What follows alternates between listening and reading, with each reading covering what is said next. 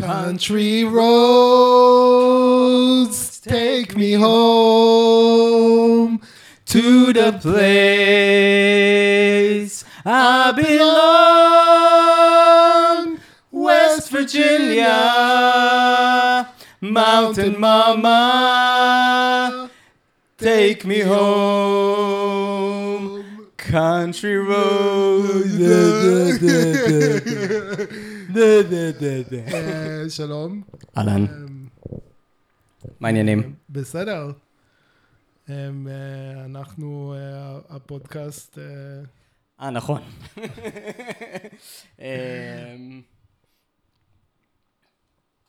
אנחנו פודקאסט מעייני הישועה, אני מעייני, אה, אני הישועה, אה, ואנחנו הפודקאסט הטוב ביותר במזרח התיכון, אה, ובמערב וירג'יניה פעם, למה לא? כן, Mountain mama. Mountain mama.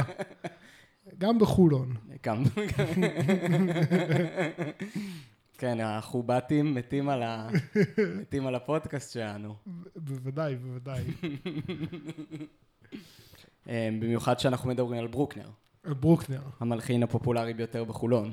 ובצפון אוגנדה. אמ, אז השבוע קובי אה, המליץ לנו בהמלצת, בהמלצת המורה שלו לפסנתר, נכון. להאזין לברוקנר 4, מהמם. ועכשיו אנחנו יודעים מה הסולם. נכון, למרות שאני לא זוכר, כי אין לי שמיעה אבסולוטית והדברים האלה לא חשובים לי בגדול. טוב, אנחנו תכף נדבר על למה הסולם כן חשוב ביצירה הזאת, אבל זה מי? במול מז'ור. מי במול מז'ור? כן. מה, זה עוד אחד מהרפרנסים לבטהובן? כן. אנחנו הולכים לדבר על זה כן, הרבה אנחנו הולכים כנראה. לדבר על זה.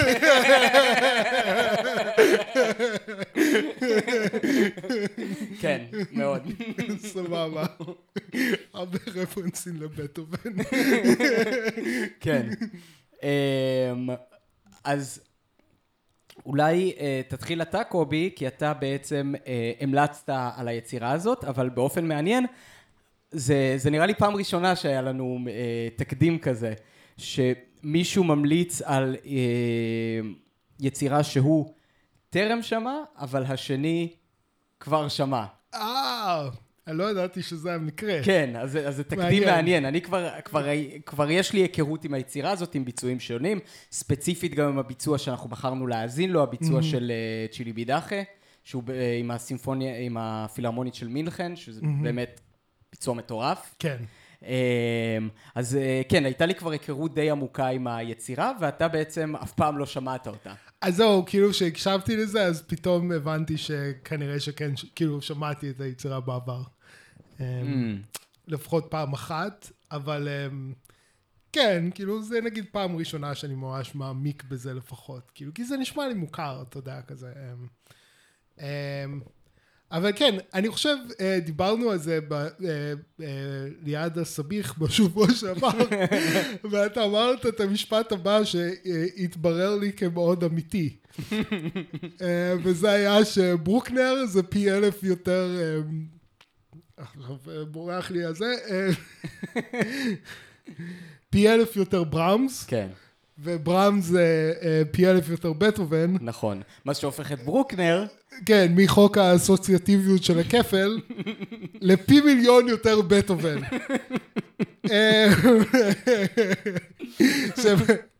כמובן אסוציאטיביות עובדת גם שזה רק כפל מטאפורי. כן.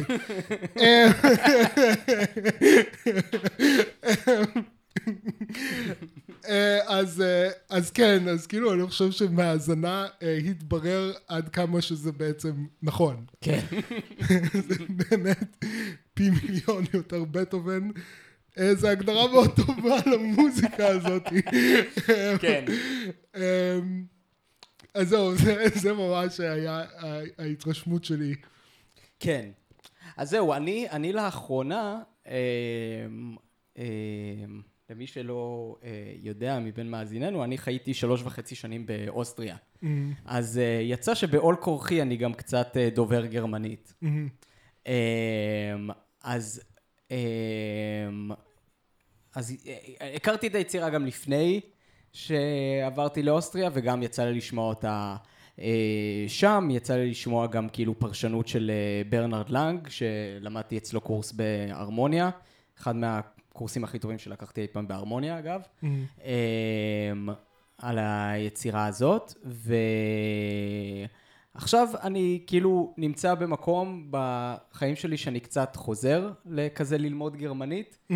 אני מאזין עכשיו מלא לדויטשה ולה, שזה קצת כמו הכאן 11 של, ה- אה, של, ה- של הגרמנים. אמ, ו...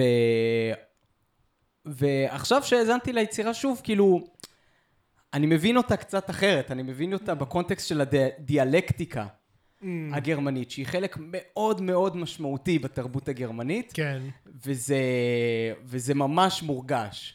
כן. ב, ביצירה, ואני חושב שכאן גם בא לידי ביטוי מה, ש, מה שציינת, הפי מיליון יותר בטהובן הזה. זהו, זה גם דבר שמאוד כל הזמן חשבתי עליו, שזה כאילו, זה פשוט יצירה מגה גרמנית, כאילו, ואם, שזה אולי, חשבתי שזה אולי יגרור אותנו לדבר כל מיני דברים כמו אה, מהות העם הגרמני וכל מיני, וכאילו, כן. זה כזה, יש בזה איזה משהו כזה מאוד, אה, זה מאוד גרמני, מאוד כאילו, אה, כן. אמ, כן, ולא סתם, לא בכדי, מה שנקרא. הרבה מחשיבים את ברוקנר ל... לווגנר של הסימפוניות. למרות שיש לסייג את זה עם אלף אלפי הבדלות. וגנר היה מלחין חדשן, אה, מלחין יצירתי, מלחין כאילו שפרץ גבולות, ולעומתו ברוקנר הוא היה סוג של המשך של השמרנות של ברמס, פשוט בקנה מידה הרבה יותר גדול. כן, כן. אמ, אבל המוזיקה של ברוקנר הייתה מאוד אהובה על הנאצים, וזאת גם מוזיקה שיש הססנות מאוד גדולה בנוגע להאם זה בסדר לבצע אותה בישראל. אה, באמת? לא- כן, לא ידעתי את כן, זה הוא בכלל. מבוצע בישראל, אבל גם לא, לא ברמה של, של ברמס לדוגמה. אמ, אמ, ו... וכן, הוא כאילו היה מאוד מאוד אה, אהוד על הנאצים, וכאילו באיזשהו מובן אני מסוגל להבין את זה, כי זה איזשהו שיא של, של תרבות גרמנית. ממש, כאילו, כן, נכון, נכון. כאילו, אפ- אפשר לראות למה, כאילו, אפשר מאוד בקלות לדמיין למה הנאצים יעשו פטישיזציה לברוקנר. כאילו, זה- באמת הפי מיליון יותר בטהובן הזה, בדיוק. כאילו, זה ממש ה vibe. כן, אמ, ויש לציין ששלושתם, בעצם כל הרצף הזה של בטהובן, ברמס וברוקנר, זה רצף של מלחינים לאומיים גרמנים. כן, אה, בטהובן גם נסחף סביב ה- הלאומיות ואביב העמים באירופה, הוא היה מעריץ גדול של נפוליאון. נכון. עד שהוא אה, הכריז על עצמו כקיסר. אה, הוא הקדיש לו את הסימפוניה השלישית במי במול מז'ור. זהו, ציפיתי, ציפיתי שעכשיו נגיע כן. לזה, כן. אז, יש משמעות מאוד גדולה לסולם הזה מי במול מז'ור וגם לחומר והאופן שבו ברוקנר עובד עם החומר הזה ביצירה שלו. כן, כן. ואחריו כמובן היה ברמס, שהסימפוניה הראשונה שלו בעיני רבים נחשבת, ל, נחשבה אז, היום פחות, אבל ל, ל, אה, לסימפוניה העשירית של בטהובן, כאילו הסימפוניה הראשונה אה, של ברמס אה, מכונה הרבה פעמים אה. הסימפוניה העשירית של בטהובן. אז במובן הזה הוא ממשיך את בטהובן, באמת כמו שאמרנו פי אלף יותר בטהובן, ואז יש לנו את ברוקנר, כן. שממשיך את הקו הזה, וזה כאילו באמת נשמע כמו... היצירות שלו נשמעות כמו סימפוניות של ברמס על, על אה, סטרואידים, גם אה. מבחינת החומר והאופן שבו הוא אה, עובד איתו, והאורך כן. של היצירה. זהו, יש לציין באמת את האורך. כאילו, זה מטורף. זה כאילו כל פרק זה כמו מיני סימפוניה כן. בפני עצמה. כן, כל אפילו פרק... לא מיני סימפוניה, כל פרק סימפוניה. של היידן. זהו, בדיוק, כל פרק זה סימפוניה של היידן. כן. כאילו, אמ, זהו, והאמת שכאילו הפרק הרביעי באמת כאילו מחולק ככה לחלקים, כאילו, הוא באמת כאילו כמעט כמו... כן, מין- הפרק הרביעי הוא לחלוטין מין פואמה סימפונית אה, עצמאית, שאתה יכול אפילו לנגן אותה כן. כ- כיצירה תזמורתית. כן, כן, והוא גם ממש כאילו, כמובן מאוד מאוד קשור. עוד כאילו, שוב, עוד דבר שזה מאוד בטהובני זה שכאילו, כמו נגיד הסימפוניה החמישית, שגם יש לה רפרנסים מאוד מפורשים. אה, בעיקר נראה לי, אני חושב, בפרק הרביעי, כאילו. Mm, אמ, אז כמו הסימפוניה החמישית שבנויה כולה על אותה מוטיב, כל הארבע פרקים, שזה היה דבר אה, לא, לא, לא, לא מקובל, כאילו בתקופתו של היידן היה מקובל שכל פרק של סימפוניה הוא יצירה בפני עצמה. כן, שאין וה... מוטיבים חוזרים. כן. כן, הוא יצירה בפני עצמה סגורה, וזה מין כמו אוסף, כאילו, כמו, כמו אלבום נגיד, נכון. כאילו באיזשהו אופן. שיש איזשהו קו מקשר, אבל כל, כל פרק עומד בפני עצמו. ואני לא יודע אם הסימפוניה החמישית זה הסימפוניה הראשונה שבה זה קורה, אבל כאילו זה בהחלט סימפוניה בה זה קורה, שבה בטהובן לוקח את אותו חומר מלודי ונותן לו טיפולים שונים בכל ארבעת הפרקים של הסימפוניה. נכון. ושוב, מה שאנחנו רואים פה בברוקנר זה אותו דבר פי מיליון. זה שכאילו באמת כל היצירה הסופר ארוכה הזאת היא שעה ועשרים בנויה מאותו חומר מוזיקלי. כן. באופן ממש ממש קיצוני, כאילו. שזה כזה כמו ברוקנר, כאילו, מצא את המנגינה הזאתי, ואז באותו רגע הוא חשב, יותר אני לא רוצה לכתוב שום מנגינה אחרת כל חיי. לפחות לכמה, לכמה, ל, לא יודע כמה זמן לקח לו לכתוב את זה, זו שאלה מעניינת, כי זה משהו מונומנטלי. כאילו. זהו, אז בואו בוא אולי באמת נדבר על זה. אמ, תופעה מאוד מעניינת שקיימת אמ, לא רק אצל ברוקנר, אצל מוז... במוזיקה קלאסית בכלל, במוזיקת קונצרטים, זה שזאת מוזיקה שיש לה בעצם שתי צורות. Mm-hmm. יש לה את הצורה התיאורטית, מה שנקרא היצירה האידאית mm-hmm. שמועלה על הכתב.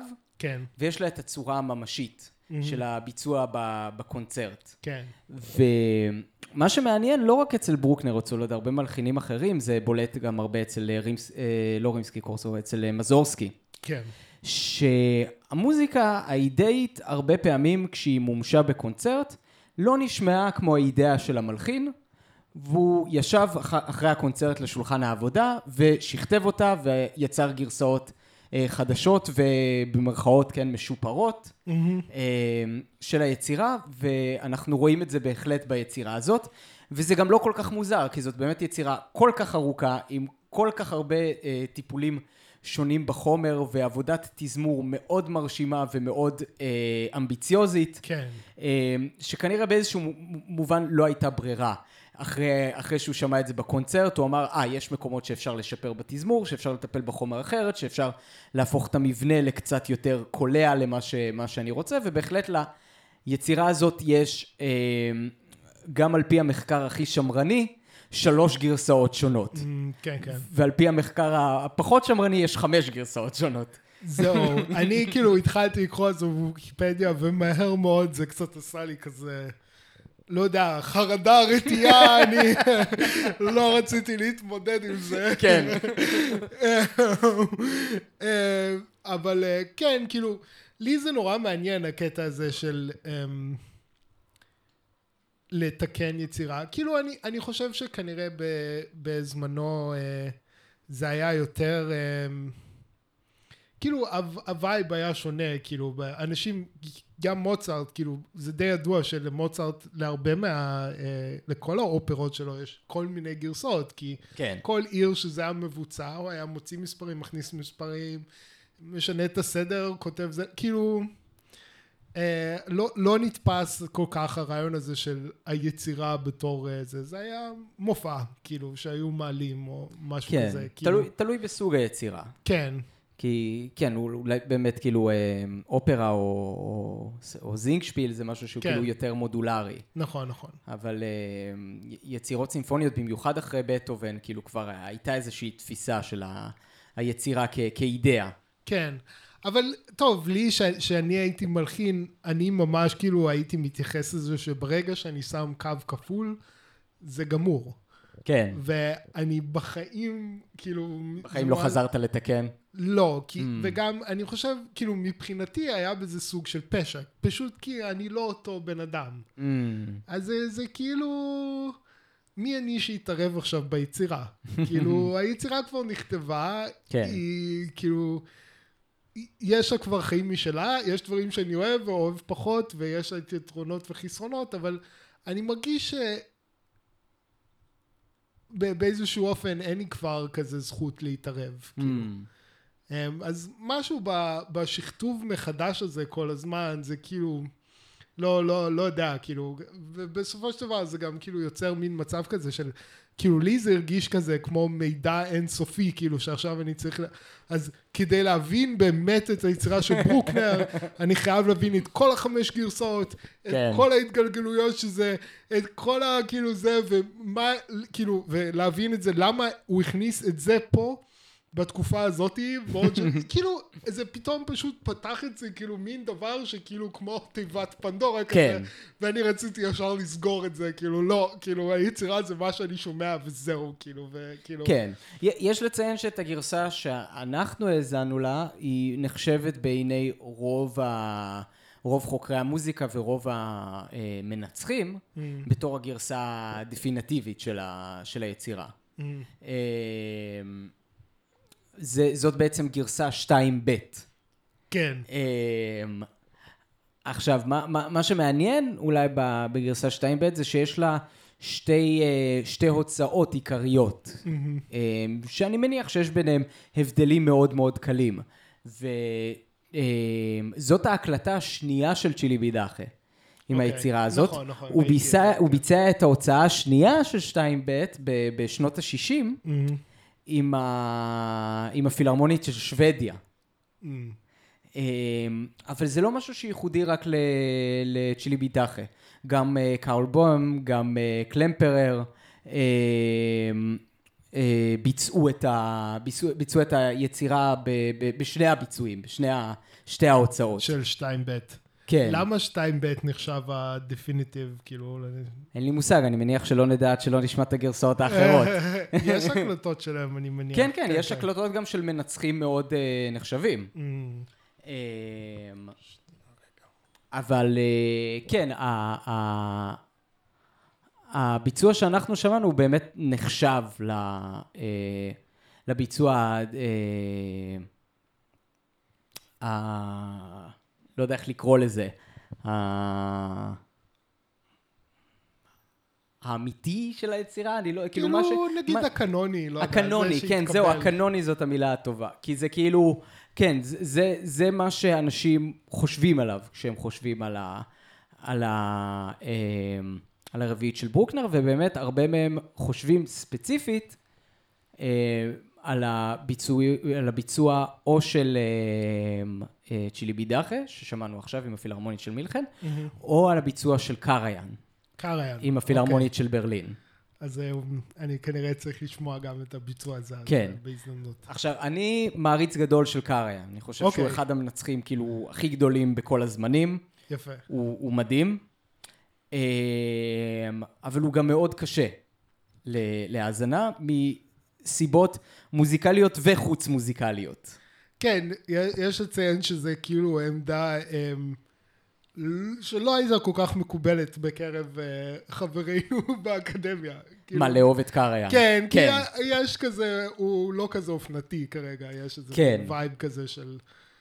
כן, כאילו הסגנון ניצוח שלו יצא מהאופנה, סוג של... אה, כן, יש לו, יש לו סגנון, אה, כן, באיזשהו מובן הוא סוג של אה, ברמס כזה, ב- ב- ב- כ- כ- ב- בתוך העולם הזה של הניצוח. כן. כי הוא באמת הביא איזשהו סגנון ניצוח אנכרוניסטי, אבל היה לו מאוד חשוב להביא אותו לתוך העולם הדיגיטלי החדש, ולהעלות הקלטות איכותיות Mm, על, על הטכנולוגיה החדשה הזאת שנקראה דיסק. כן. אמ, הוא, הוא כאילו, צריך ל... אתה יודע כמה שאומרים כביכול שהוא מיושן וזה, באיזשהו מקום אה, קריין אה, תרם רבות לפיתוח של הטכנולוגיה המשוגעת הזאת שנקראת דיסק. כי הוא אמר, אני רוצה להקליט את התשיעית של בטהובן, ושזה יהיה במקום אחד, ושאנשים יוכלו לשמוע את זה מההתחלה עד הסוף, ללא הפרעות. והתקליט לא אפשר לו לעשות את זה, כי התקליט כן. היה מוגבל ל-40 דקות ושני צדדים. כשאתה מקליט את זה לדיסק באופן דיגיטלי, בעצם כבר לא קיימת לך המגבלה הזאת. כן, זהו, יש, אני חושב שזה באמת, סוני המציאו את ה-CD, נראה לי. אני חושב שזה באמת כאילו ידוע שמנכ"ל סוני ככה קבע את הגודל של לפי ה- הצ'יט של בטהובן. לפי כן, הצ'יט של בטהובן. כן. שכאילו זה, זה הפך להיות הגודל הקנוני של CD, כן. שהוא מספיק גדול כדי שיהיה אפשר לשמוע עליו את הצ'יט של בטהובן. כן. כאילו, וככה מנכ"ל סוני קבע את זה, כאילו. זה מדהים. מדהים, כן. איך- איך רוחו של בטהובן רודפת אותנו עד היום. מיד, יפן. כן, ועד יפן. מטורף. אה, כן, אז... ואני חושב שבאמת בגלל גם התפיסה הזאת, ה... כאילו, יש לציין שגם, אה, לפחות בנערותו, קריין היה נאצי. כן. הוא היה, הוא היה בהיטלר יוגנד. אוקיי, כן. אה, אני לא יודע באמת מה היו הדעות הפוליטיות שלו אחרי המלחמה, הוא, הוא נזהר שלא לבטא אותם. מהמם. אה, יכול להיות ש... ו... ואני לא יודע למה, כן? יכול... כאילו זה יכול להיות לשני הכיוונים, יכול להיות שהוא נזהר שלא לבטא אותם כי הוא פחד שהוא ייחשב נאצי, או שלהפך, הוא פחד לבטא דעות אנטי-נאציות, אה, בגלל שהוא פחד שזה יגרום לו לאבד קהל. של, אה, של גרמנים מבוגרים אה, שמרנים שדווקא רוצים לשמוע את היצירות האלה מבוצעות כאילו על, על טהרת האומנות הגרמנית אה. ובאמת זה, גם האופן שבו הוא מבצע את, אה, את ברוקנר באופן מאוד שונה כמובן מצ'ילי בדאחה. ש, שמרגיש שכל הגישה שלו היא דווקא גישה יותר אה, מודרניסטית, אה, אוניברסלית, פתוחה, אה, לנסות לגרום ליצירה הזאת, באמת, על אף שזאת יצירה שנכתבה על טהרת האומנות הגרמנית, ל- לתת לה איזשהו מסר יותר גלובלי, ש, שניתן להתחבר איתו גם, גם מחוץ לקונטקסט הזה. מעניין. אז זאת אומרת שאם אני אקשיב לקריין, אני אקבל ביצוע שהוא עוד יותר גרמני ממה שכבר שמעתי, שמבחינתי היה סופר גרמני כבר. כביכול, כן. זה, זה, זה, כבר, זה כבר מאוד קשה, כי זה כאילו, זה, זה פרשנות וגם כאילו, אני לא רוצה גם להעמיד את המנצח במקום כזה שיש לו אחריות בלעדית על הביצוע, יש לו אחריות מאוד חשובה, אבל צריך לזכור שכאילו, גם כאילו בסופו של דבר יש את היצירה עצמה, שבמיוחד בקונטקסט הגרמני יש לה איזשהו מעמד אידאי בפני עצמה, ש, שמאוד מכבדים את זה, גם המבצעים וגם המנצחים, וגם כאילו יש מאחוריו תזמורת שלמה של אינדיבידואלים שלא בהכרח כולם גרמנים. כן, יש את התזמורת בתור איזשהו גוף עם איזשהו, יש את ה deep state של התזמורת, כן. שלא תמיד הולך. לפי המנצח. ה deep state. אתם מנסים להדיח מנצח מכהן? ה deep state של התזמורת.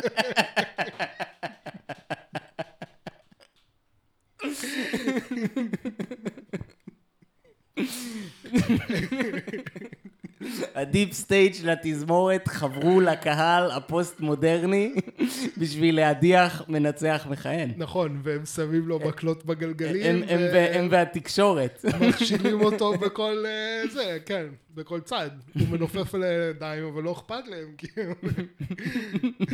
מנצח שמ- שמייצג שני מיליון מאזינים. בדיוק. הקונצרט מייסטר חותר תחת ה...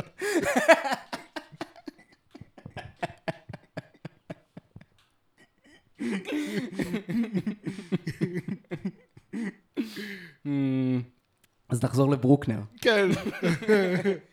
אמ, אז מה... אז כן, אז הזכרת את זה שבאמת יש לו פחות או יותר מוטיב אחד, שאיתו הוא עובד.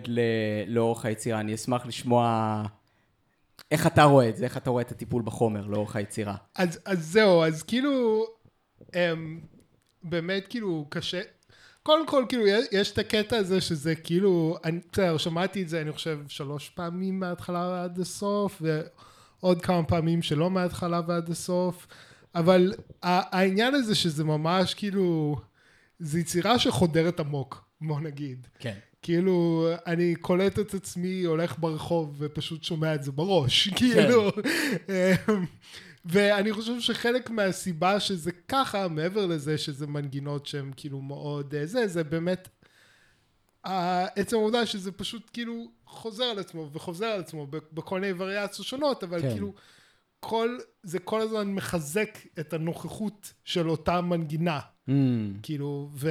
אמ, וזה זה אחד מהדברים המאוד סוחפים, כן, וכאילו, בשבילי באמת, אני עדיין, כאילו, כל, כל היצירה מתכנסת מבחינתי לשלוש, לשלוש מנגינות. עכשיו, איפשהו בראש שלי אני בטוח שהם כולם נובעים מהמנגינה הראשונה, אבל אולי בלי הפרטיטורה ובלי לעשות ממש את הניתוח, אז ככה בשמיעה, אה, בשמיעה אה,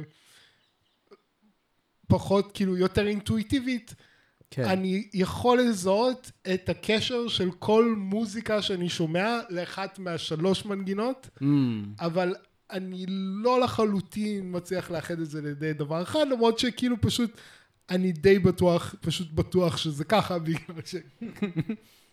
ומה הן אה, שלושת המנגינות מבחינתך? אז אה, טה, טה, טה, טה, mm. ו... אמ, טה טה טה טה טה, אמ, לא שר את זה טוב, כן. אבל הקטע הזה, ואז זה טה טה כאילו- טה טה טה טה טה טה טה עכשיו זה, השלישי הוא די ברור איך שהוא יוצא מהראשון. כן.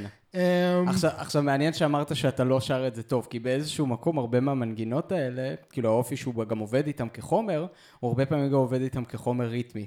אז באיזשהו מקום כן. יש מקומות ביצירה שאין דרך לשיר את זה נכון או לא נכון. כן, כאילו כן. גם הוא היה עושה פה פה פה פה פה, זה כאילו, זה, זה, אתה, אתה שומע את המנגינה, כי זה כן. פשוט, הריתמוס הוא כאילו חלק נכון. בלתי נפרד ממנה. ואז הטריולה הזאתי, טה טה טה, זה הופך להיות כאילו, זה הופך להיות רפרנס לחמישית בזה, בפרק הרביעי.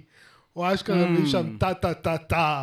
כאילו, אה, וזה נכון, זה מגיע, זה מגיע, זה מגיע מה, כאילו... אתה מדבר כאילו על הטה טה טה טה, טה טה טה טה, טה טה טה טה, טה דה דה דה. כן, או כל, כל דבר, טה טה טה טה, זה הכל כאילו, כן, למרות שזאת לא טריולה, כן. כן, לא, אבל בסדר, כאילו, זה הכל...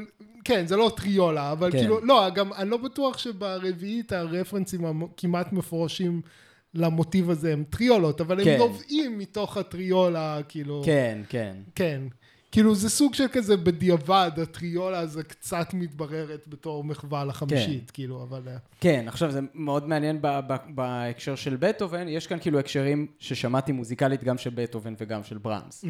אז באמת זה מתקשר לבטהובן חמש, שהיא בדו מינור, שזה mm-hmm. המינור המקביל של מי במול מז'ור. שזה כן. גם הסולם של, ה, של ברוקנר וגם הסולם של השלישית. נכון. של אה, בטהובן, שמתחילה הרי גם בארפז'יו, אה, ב... ב... שהוא, שאחר כך המנגינה הזאת מופיעה גם כמובן גם בקרנות אצל אה, בטהובן ה... טה דה דה דה דה דה דה דה דה דה אז זה, זה מאוד מזכיר לי וזה מרגיש לי שזה רפרנס מאוד מפורש להתחלה של הסימפוניה של הברוקדל, טה טה טה טה, גם הארפג'יו הזה בעצם, כאילו הפירוק של האקורד המז'ורי, מי במול מז'ור פשוט בקרנות. כן. אמ, ו... והרפרנס של לברמס מגיע בפרק השני, בפרק האיטי.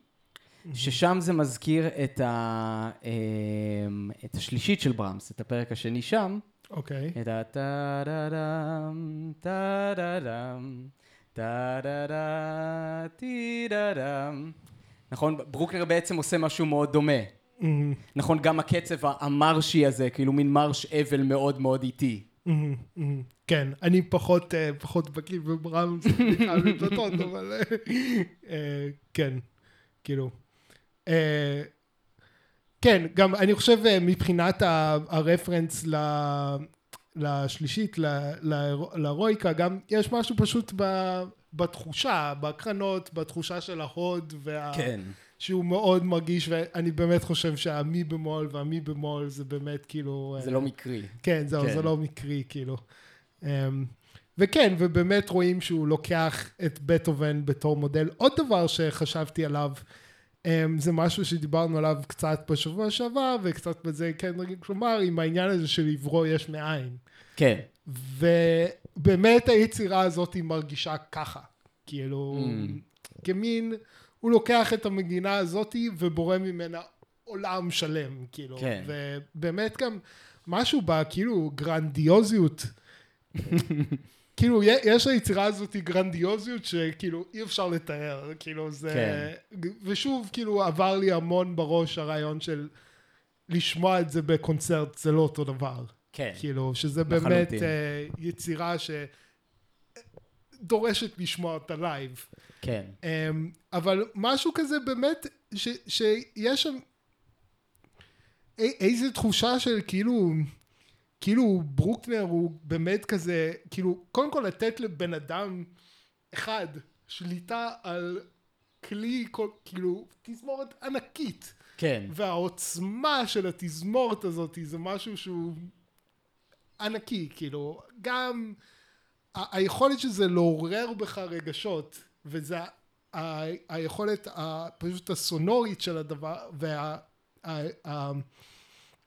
האפשרויות שיש לך לכתוב, לזה, זה כנראה מה, תזמורת של, לא יודע מה, כאילו, 50 אנשים, יותר מ-50, אני כן, לא יודע כן, כמה, זה, כאילו... כאילו זו תזמורת בסדר גודל שיכולה להגיע גם ל-100 נגנים. גם ל-100 נגנים. כן. וזה זה, כאילו... זה כמעט מאלר, כן, כאילו מבחינת כן. הגודל של התזמורת. כן, אז... זה, אז... זה, זה עוד משהו בעניין הזה, אגב, של הפי אלף אה, יותר ברמס ו, ופי מיליון יותר בטהובן, mm. שגם התזמורות הלכו וגדלו. כן. בין, בין הדורות האלה של, ה, של המלחינים, כי בזמן ש... בטהובן היו מבצעים אותו עם תזמורת של, אתה יודע, עם קונטרבאס אחד, מקסימום שניים, אתה יודע, כן. מחלקת strings הייתה די אה, צנועה. פה כאילו אתה לא יכול לבצע את, ה, את היצירה הזאת בלי איזה שישה, שבעה, שמונה קונטרבאסים, אתה יודע, מערך של אה, כלי נשיפה ממתכת, כן, כאילו זה, כן, זה, כן. זה, זה, זה, אתה יודע, מערך גם של, ה, של הטימפנים, וכאילו, והכלי הקשה, זה כאילו, זה תזמורת ממש ממש גדולה. כן, כן, נכון, ו, ובאמת להפקיד את ה... את ה... לתת, כאילו, ברוקנר שיש לו את ה... יכול לכתוב משהו, כאילו, מה שהוא רוצה לתזמורת הזאת, כן. זה מין כוח אדיר. כן. זה באמת כאילו מרגיש כמו לתת לו להיות אל. כן. Um, וגם הכוח הבעתי של הדבר הזה, גם דיברנו על זה קצת בשבוע שעבר, נגיד על היחס של האסלאם למוזיקה. נכון. אז היכולת, והיכולת של מוזיקה לחדור ללב ולהשפיע על אנשים, תזמורת כזאת של מאה אנשים ולשבת שם ויצירה כזאת ארוכה, וזה באמת המלחין בתור אל. כן. משהו כזה, זה באמת אולי במובן הזה ש, שאתה אומר הווגנר של הסימפוניות. כן. שהווגנר כנראה גם ראה את עצמו בתור אל. כן, הוא אה, אפילו היה, הוא, הוא לא ראה את עצמו אפילו רק כאל של מוזיקה, הוא ראה בעצמו כאל של אומנויות. כן. אה, נכון, גם של, גם של אה, כתיבה, של שירה, של תפאורה, תאורה, כאילו עיצוב, הכל. כן, כן. אז, אז משהו מה, מה, מהדבר הזה של הדאיפיקציה של האומן, כן. שגם זה מרגיש משהו מאוד, אה, מאוד גרמני. כן. אז אה, זה גם כי הרגשתי שזה קיים שם בצורה אה, מאוד משמעותית. זהו, חשבתי על זה, כאילו, שני דברים, כאילו, יש לי להגיד בקונטקסט הזה. כן. שכאילו, חשבתי על זה, כאילו, אז גם שמעתי את היצירה כמה פעמים במהלך השבוע. Mm-hmm. ניצלתי את ההזדמנות גם לשמוע את זה בעוד כמה ביצועים שונים, אז שמעתי את הביצוע של קריין. Mm-hmm. שמעתי גם גרסה מאוד מעניינת של...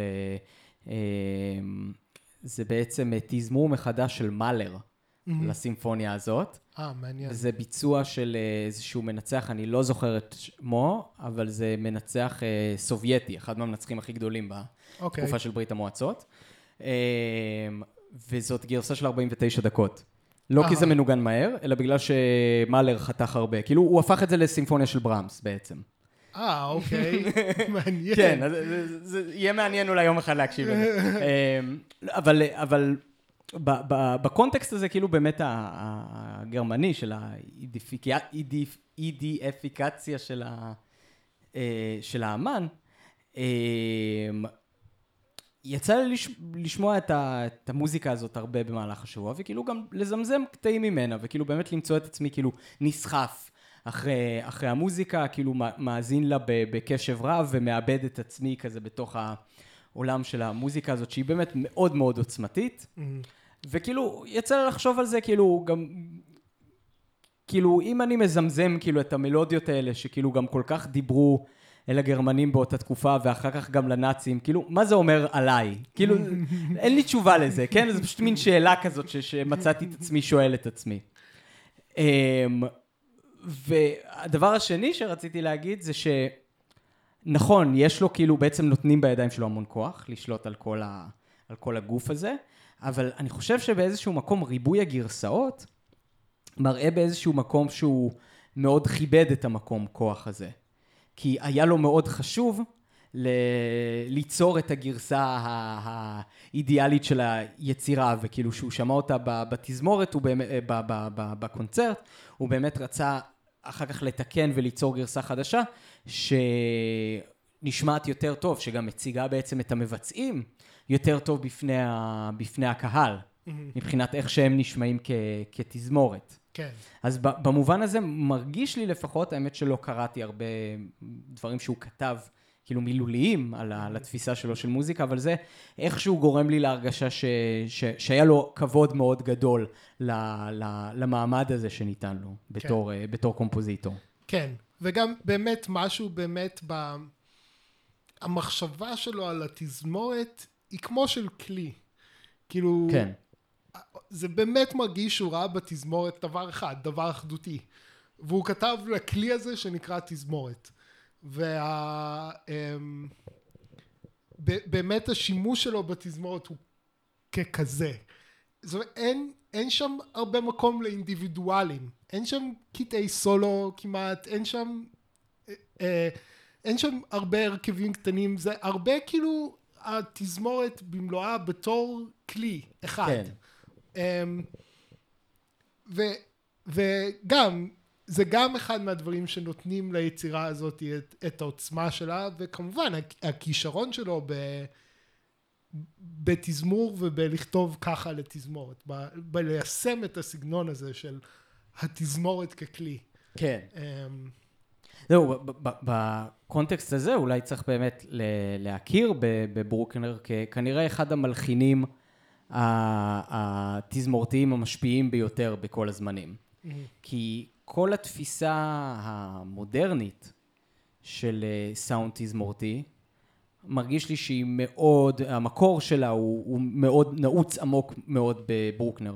יש שם קטעים, במיוחד בפרק האחרון, שזה ממש נשמע כמו מוזיקה מודרנית אה, לסרטים. כן, יש, יש שם אפילו אה, קטע אחד שכאילו המשחק שלו, נגיד עם, ה, עם הכינורות שם על גבי כאילו אה, מסה ענקית של התזמורת, לגמרי נשמעת כמו, כמו אה, חלק מהסאונדטרק של אה, ג'ון וויליאמס לסטאר וורס. כן, כן, ממש, אני גם חשבתי, גם, גם המוטיב, טה, טה, טה, טה, זה כאילו, כן.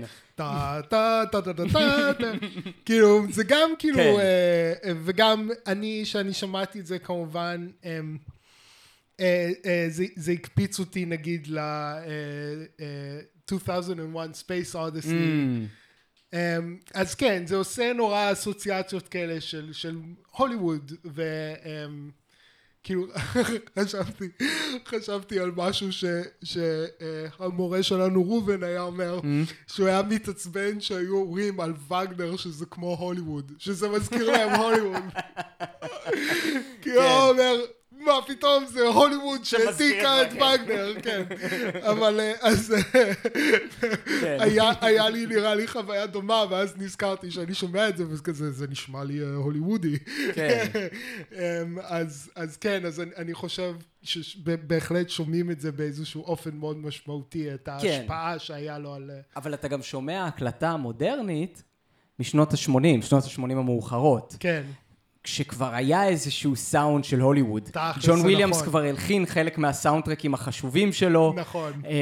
אמ, ו- נכון. ו- והיה בעצם את הרפרנס הזה באוזניים של הקהל מעניין. ושל המנצח. אז נכון. נראה לי הדברים האלה באיזשהו מקום גם מזינים אחד את השני. תכלס זה זה... לא נקודת חד-צדדי לחלוטין. נקודת מבט מעניינת שהוליווד באמת השפיע כן. על היצירה הזאת, כן. על, על כן, על ביצועים והקלטות כן. מודרניות. כן, כן. ועל איך שזה נתפס. כן. כן. אה, יש שם איזה משהו מעניין ששמתי לב אליו. אה, אני, אה, כאילו, בהקשר קצת אחר, אמ, של נגיד מחזורי זמן. אז Hmm. איכשהו היצירה הזאת היא מאחדת בתוכה שתי תקופות מוזיקליות שאני ממש לא אוהב. אמ,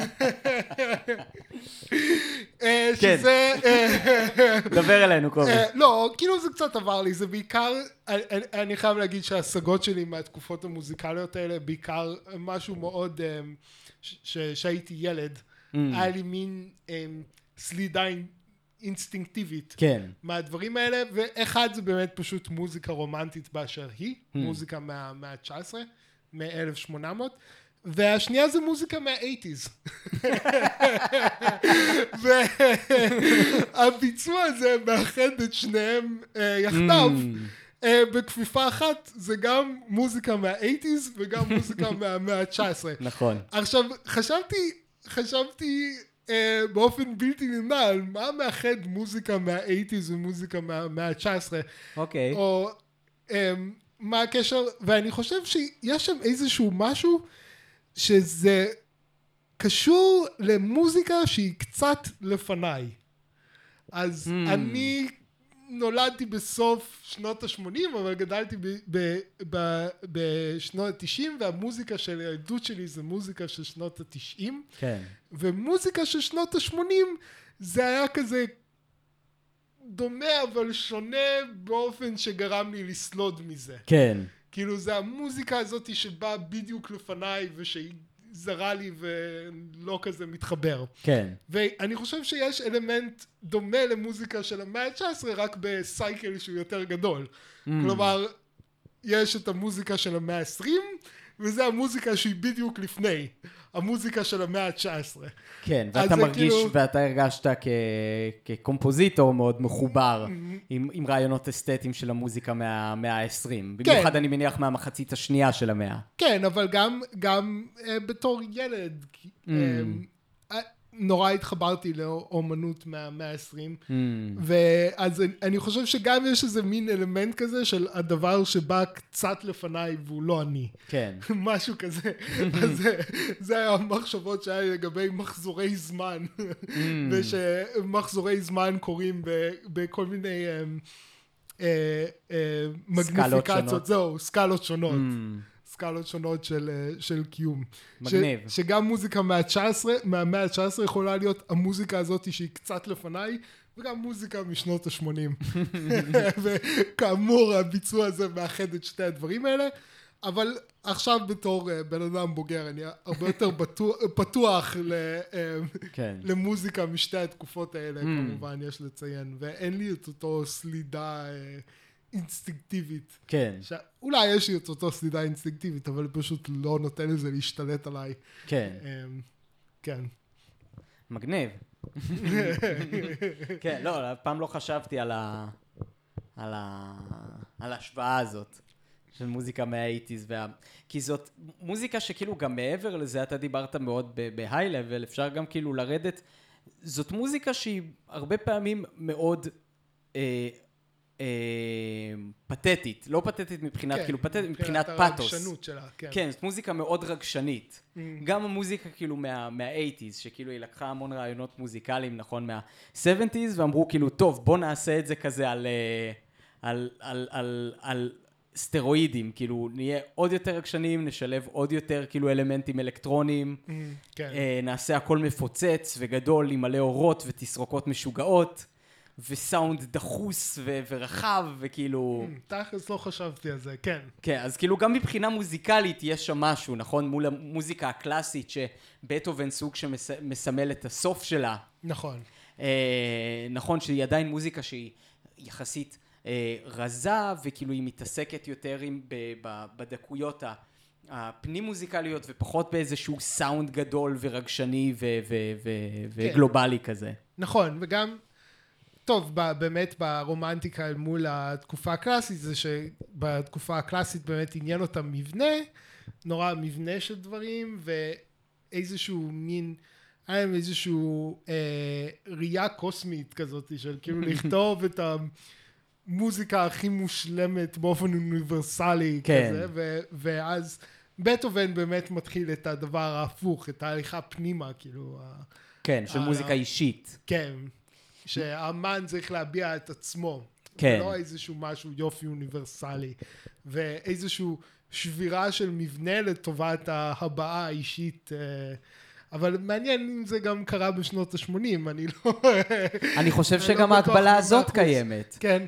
כי, הרי מה בעצם קורה בתקופה של אה, בטהובן, בהתחלה של הלאומיות? זה בעצם כאילו איזשהו שיא של ה-enlightenment, Mm. נכון? שזה כאילו האדם במרכז, ומתחילים לחשוב חשיבה לאומית, חשיבה כאילו אינדיבידואלית, איך כל אדם מקדם את עצמו, יש לך פתאום דיבור על זכויות אדם. Mm, כן. אמ, ובשנות ה-80 קורה משהו דומה, שזה בעצם ההתחלה של הקריסה של הגוש המזרחי, Mm, והעלייה של הניאו-ליברליזם המודרני, שבמרכזו גרסה קיצונית עוד הרבה יותר של האדם במרכז, של האינדיבידואל. ומה שהוא יכול להשיג, וכאילו, כמובן שזה ברקע של, של ארצות הברית עם הרייגניזם, ובריטניה עם התאצ'ריזם, וכאילו... אז זה מאוד הולך יד ביד. נכון, אז אולי במאה ה-19 אנחנו יכולים להגיד המלחין אה, בתור אל, אה, בשנות ה-80 בארצות הברית, אה, היזם בתור אל. כן, משהו סטיב ג'ובס, או כן. אה, לא יודע.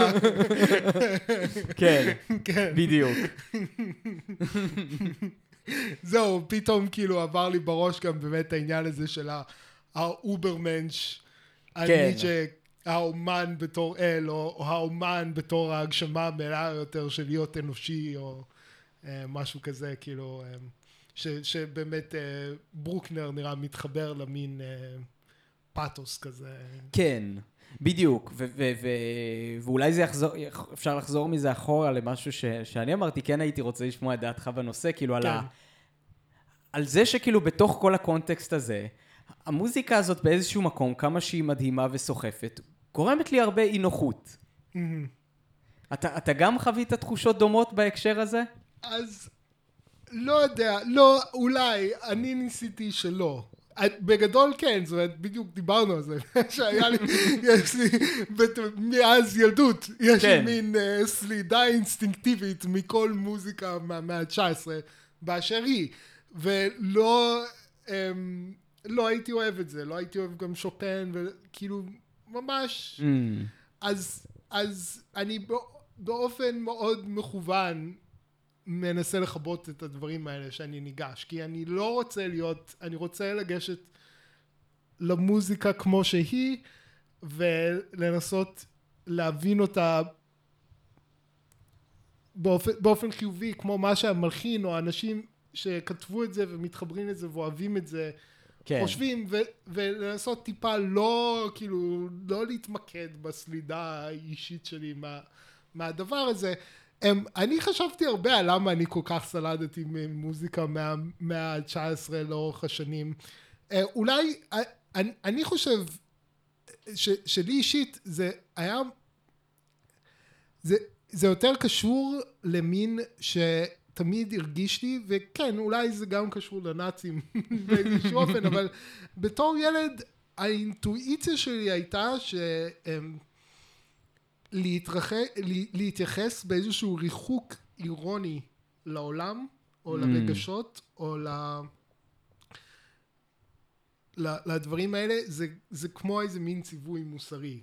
כלומר, לא להיסחף אחרי הרגשות שלך, כן. לא להיסחף אחרי... ה... והמוזיקה מהמאה ה-19 מייצגת את ההפך. ללכת עד הסוף עם הרגשות, עם התחושות, עם ה... ו... ו... אמ, ואני חושב באמת האירוניה הזאת היא שאנחנו כולנו ספגנו אותה באיזשהו אופן, היא קשורה למלחמות העולם, אה, למלחמת העולם הראשונה והשנייה, כן. ול- לטראומה שהדברים האלה יצרו, ומין... ה- מאוד, מאוד קשה לחזור נגיד ל, ל, ב, ב, ב, ב, בתודעה לאנשים מהתודעה של המאה ה-19 שלא חוו את הטראומות האלה ו, והיה היה להם באמת איזשהו יכולת יותר עמוקה לחוות את הרגשות שלהם בצורה הרבה, הרבה יותר כאילו כנה ואמיתית ו... לא, אין להם את אותו פחד, נכון? כי כאילו... כן. הנאצים מייצגים הרבה דברים, אני חושב שבהמון מובנים הם מייצגים אה, דווקא ההפך מהשתלטות הרגשות, אלא את, ה, את השליטה היותר מדי אה, מוגברת של המוח או הרציונל, אבל הם גם מייצגים את ההפך באיזשהו אופן כן. פרדוקסלי. שזה הליכה אחרי היצרים ואחרי ה, אחרי הרגש, אחרי הרגש הלאומי ולהיסחף אחרי היטלר ואחרי החזון הגדול שלו לעם הגרמני ויש שם בנאציזם איזשהו מין תחייה של הרוח הזאת של המאה ה-19, של כן. רומנטיקה ו... כן, אמ, רק, רק נציין כאילו ש, ש, ש, שברוקנר לא היה נאצי. כן, לא, לא, ברור, ב, ברור. ברוקנר כאילו בדומה גם ל, ל, ל, לווגנר. נכון. אה, בניגוד למה שמקובל לחשוב, כאילו שניהם לא, לא היו נאצים. נכון. אה, הם חיו לפני שהיטלר בכלל, כאילו הם מתו עוד לפני שהיטלר נולד. אה, ו...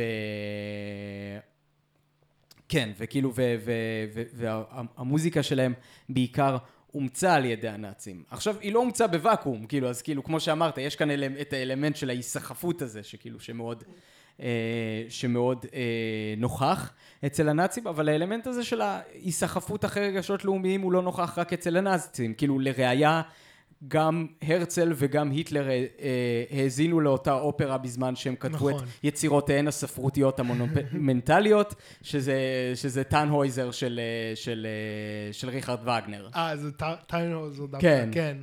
כן, כן, אני זוכר משהו עם זה שהרצל היה הולך לשמוע את זה כל שבוע, או כן. איזה משהו כאילו... וזאת הייתה, זה היה מקור השראה עצום בשבילו, כאילו כן. בשביל הספרות שלו. כן, זה, זה מדהים, אולי ההשפעה שהייתה לווגנר על התרבות והחשיבה באירופה. כן. באמת, אולי באמת אה, סוג של, באמת, גם, אני לא יודע, אני יודע שההיסטוריה שלו עם ניטשה היא מאוד מעניינת, זה בטח משהו שאפשר לקרוא עליו ספרים.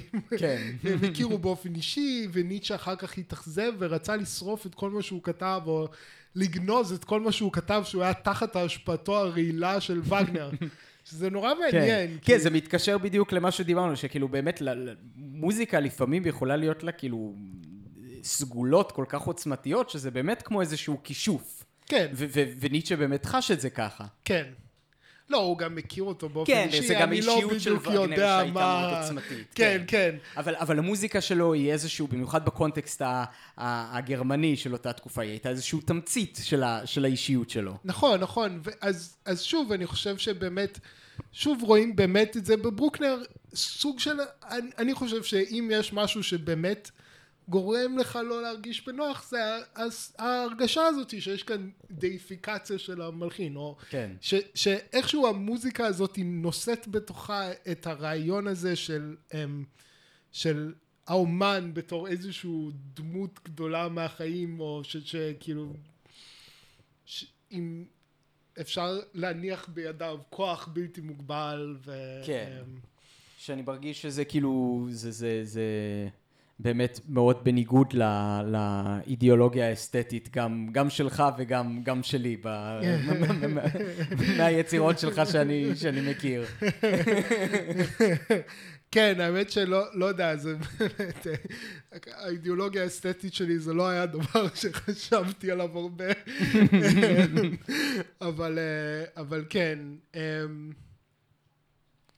לא, אבל היה לך כן. מאוד חשוב היחס, לדוגמה, הבין אישי שלך עם המבצע. כן. כתבת יצירה לחברים שלך. נכון, נכון. ש- שאני ביצעתי בה, למרות שעוד לא הייתי חבר שלך. נכון, זה בעצם מתי שהכרנו. כן. נכון, נכון. אוי, חשפנו עכשיו את האוריג'ן סטורי.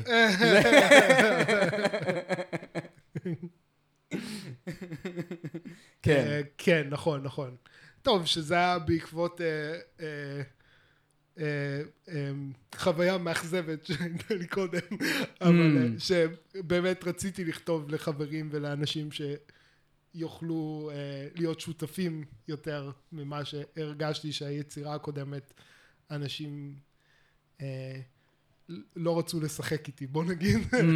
וזה היה מאכזב. כן. אה, כאילו הייתה איזושהי תחושת ניכור בינך כן, לבין כן, המבצעים שלא הייתה נעימה. כן, נכון, כן, בדיוק. שכאילו ש... שלברוקנר לדו- לדוגמה זה ממש לא, לא מפריע, להפך, כאילו הוא אפילו לא רוצה לראות את האינדיבידואלים שבתוך התזמורת. מבחינתו. הוא כותב לאיזשהו גוף בלתי מובחן של יצרני סאונד, וביחד כן. הם יוצרים איזושהי כאילו תופעה סונורית כן. שהוא רוצה. לתקשר עם הקהל. כן, באמת כמעט אין שם שום... דרך אגב, כן, יש קונצ'רטו ויש זה ויש כל מיני... בהרבה יצירות יש לפעמים הבוב מנגן סולו. נכון. זה, וזה, אני לא זוכר אם זה מופיע או לא מופיע בברוקנר, אבל זה כמעט ולא... זה כמעט ואין שם. נכון. זה באמת הכל מאוד מחוות גרנדיוזיות ומאוד... אמ, ש, שמאוד... מת... ושוב, יש בזה באמת העניין הזה של אמ, לתת את עצמך למשהו גדול ממך זה מאוד מרגש ושאנשים כן. אנשים להיות חלק אני מניח שלנגן את זה זה חוויה מדהימה אה, ש- של להיות שותף ליצירה של מוזיקה כל כך אה, גרנדיוזית ודווקא האלמנט של הביטול עצמי שם הוא- כנראה מרגש כן. בלהיות אה, להיות חלק מהתזמורת הזאת. אז כן, אז כאילו במובן הזה זה באמת אולי הדברים ש... שלמרות שלחלוטין חיביתי את, ה... את... את הרצון שלי, ל... ל... לא, רציתי לא, לא להתייחס לעניינים האלה של להרגיש לא בנוח או לא יודע כן. מה, אלא באמת לתת למוזיקה לדבר ולנסות להתחבר לזה, אבל כן, זה כנראה, זה כנראה באמת, זה האלמנטים האלה המאוד גרמניים, בוא נגיד, כן. של, ה, של היצירה, ושבאמת סוג של, בדיעבד אנחנו יכולים להגיד שזה מטרים את מה שנהיה מגרמניה אחר כך, אבל כן. בזמן הזה אי אפשר היה אה, בהכרח לדעת. ברור. אולי ניטשה קלט את זה, ולכן נסג מהחברות שלו עם וגנר. כן. אנחנו לא יודעים. כן. אבל אמ, אה, הרבה קלטו את זה. כן, גם מאלר כתב את זה, והוא עדיין כתב סימפוניות גרנדיוזיות. כן, אתה חושב שהוא קלט את ה... כן, הוא, יש הרבה אנשים שרואים במאלר סוג של אה, נביא, Hmm, שבאיזשהו מקום ה... ה... אמ, זה החמישית שלו, לא? הטה-טה-טה-טם, טה-טה-טה-טם, טה-טה-טה-טם, שזה כאילו, שזה כמובן גם רפרנס לבטהובן. אה, כן. טה-טה-טה-טם, טה-טה-טה-טם, טה-טה-טה-טם. מכיר את זה? זה לא, ה- אני אני חושב שזאת זה לא- החמישית בדודי אז מינור של, אה, של, אה, של אה, מאלר. שזה נשמע כמו מרש אבל... כן, שכאילו אומרים שזה סוג כזה של נבואה למלחמת העולם הראשונה. יש, יש כאילו הרבה שמתייחסים לזה ככה. שכאילו הוא רואה איזושהי התפרקות טוטאלית כזה של... תחשוב שהוא הוא גם, הרי הוא חי בווינה, ממש המרכז הנושם של האימפריה האוסטרו-הונגרית. כן, ש, ש, שעמדה באמת להיחרב, וזה זה, כן. זה באמת מה שקרה. כן, זה מעניין. גם, גם ברוקנר היה קשור בווינה איכשהו, או שלא? או... אני? אני חושב שאין מלחין שלא עבר בווינה, כאילו מלחין מצליח. השאלה באמת כמה זמן הוא היה שם. Mm. לא, כי בדיוק חשבתי בראש על הקשר הזה בין הגרמניות, או בכלל הגרמניות, אפשר להגיד, כן. לפרוטסטנטיות. כן. וזה זה מין, כמעט כל העמים, לא רק הגרמנים, גם הגרמנים, זאת אומרת, גם האנגלים וגם ההולנדים וגם הנורבגים, שוודים וכולי, הם כולם כמעט פרוטסטנטים. חוץ מבאמת וינה.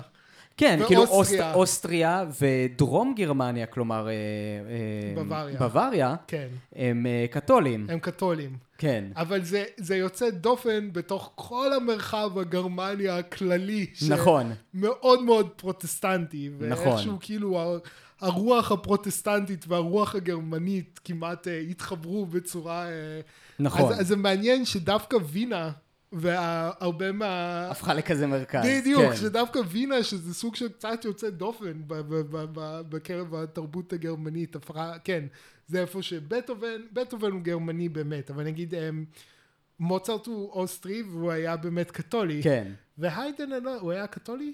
כנראה. האמת שאני לא בטוח, אני לא יודע. Mm, מעניין. אמ, אני חושב שיש בזה גם איזשהו היגיון באיזשהו מקום, כי התפיסה של המוזיקה באותה אה, תקופה, במיוחד לפני בטהובן, לפני שהיה את הרעיון הזה של אה, לאומיות, Mm, היה שכאילו מוזיקה זה, זה משהו רחב יותר, זה משהו שיכול להיות כלל אירופאי, והשפה העיקרית גם של המוזיקה הייתה איטלקית. כן. זה אפילו היה נחשב גס לכתוב אופרות בגרמנית, נכון? כש, כשמוצרט אה, כן. ביקש אה, לכתוב אופרה בגרמנית, הפטרון שלו ניסה לנער אותו מזה. אה, אמ, ו... אז כאילו אני רוצה לקשר את זה לברוקנר, זה, זה משהו אחרון שיש לי להגיד באמת על הזה, זה השמות של הפרקים. אוקיי. כי השמות של הפרקים אצל בטהובן, בדרך כלל זה באיטלקית. זה כאילו השמות פשוט של הטמפי.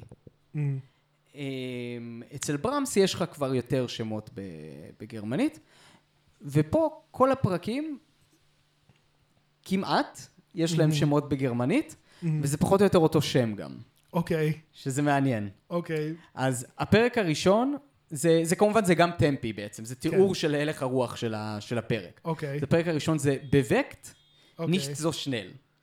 אוקיי. כלומר, אמ, בווקט ב- ב- בתנועה, כן. לא מהר מדי. אוקיי, זה כמו... אלגרו אל- אל- מודרטו. או אלגרו מנונטרופו. כן. אם נקשר לבטהובן שוב. נכון. כן. כן. אה, אמ, ואז הפרק השני, שהוא באמת הפרק שממש מרפרנס לברמס, אמ, כלומר מרפרנס צורנית וחומרית אולי לעבר יותר, אמ, אמ, זה השם שלו הוא באיטלקית. נכון? אנדנטה קוואזי אלגרטו. אה,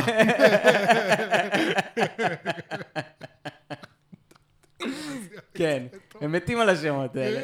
זה גם מתקשר עם הקטע של הדיאלקטיקה, נכון? אה, כאילו, הוא לוקח את הרעיונות של הדיאלקטיקה הגרמנית, והוא נותן את זה גם בשמות של הפרקים שלו, גם אם הם באיטלקית. ואז מגיע משחק מילים מאוד יפה, אוקיי. הפרק השלישי, שהוא מחולק לסקרצו וטריו. אמ, אז הסקרצו הוא בווקט, אמ. והטריו הוא נישט זו שנל. כמו לומר, כמו הפרק הראשון. כן. אוקיי. והפרק האחרון, כן. הרביעי, הוא גם, הוא בווקט, דוח נישט זו שנל. כלומר, בווקט, כן. and yet אה. נישט זו שנל. מעניין שגם על הכותרות של הפרקים הוא הולך על אותו דבר, כן. פיתוח של מוטיב אחד מצומצם בדיוק. שיוצר את כל השאר. ה- בדיוק. אז, אז זה כאילו, זה, זה באמת, אי אפשר להפריד את זה מהתרבות הגרמנית. כל, כל ההתעסקות הדיאלקטית הזאת מסביב כאילו לשפה והמשחקים הקטנים כן. האלה, שאתה יכול לעשות, שהם באמת כאילו, הם מאפשרים לך באמצעות אמצעים די פשוטים, להביע רעיונות מופשטים מאוד מורכבים, ולממש אותו בצ- בצורה כזאת, שכאילו ברגע שבן אדם מבין את השפה, אה, הוא יכול להבין רעיונות מאוד עמוקים בכאילו בכמה מילים בודדות.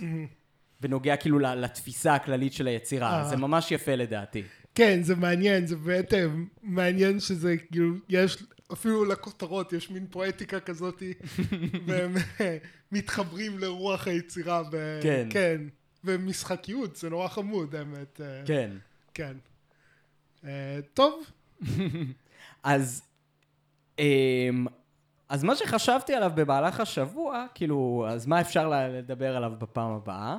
אז חשבתי באמת על ריבוי הגרסאות. אוקיי. של הזה, עכשיו, עכשיו קובי פוחד, הוא אומר, אוי לא, הוא יבקש שנאזין לגרסה שלוש. לא, לא, אל תדאג. אמ, חשבתי באמת על הקטע הזה של ריבוי גרסאות, וחשבתי על זה שזה באופן מעניין קיים גם, לפעמים, לא תמיד, במוזיקה פופולרית. אוקיי. ואני רוצה שנעשה האזנה השוואתית, אוקיי. שבוע הבא. סבבה. אני רוצה שנעשה האזנה השוואתית בין הגרסה המקורית של Wildest Dreams של טיילור סוויפט, אוקיי. לגרסה שהיא הוציאה, אני חושב, השנה או שנה שעברה, אה, גרסה חדשה, לא, לאותו השיר.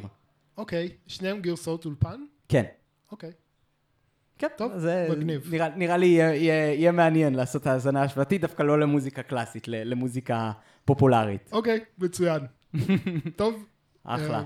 אז יאללה, תודה לכל אה, מי שהאזין לנו. וביי. להתראות.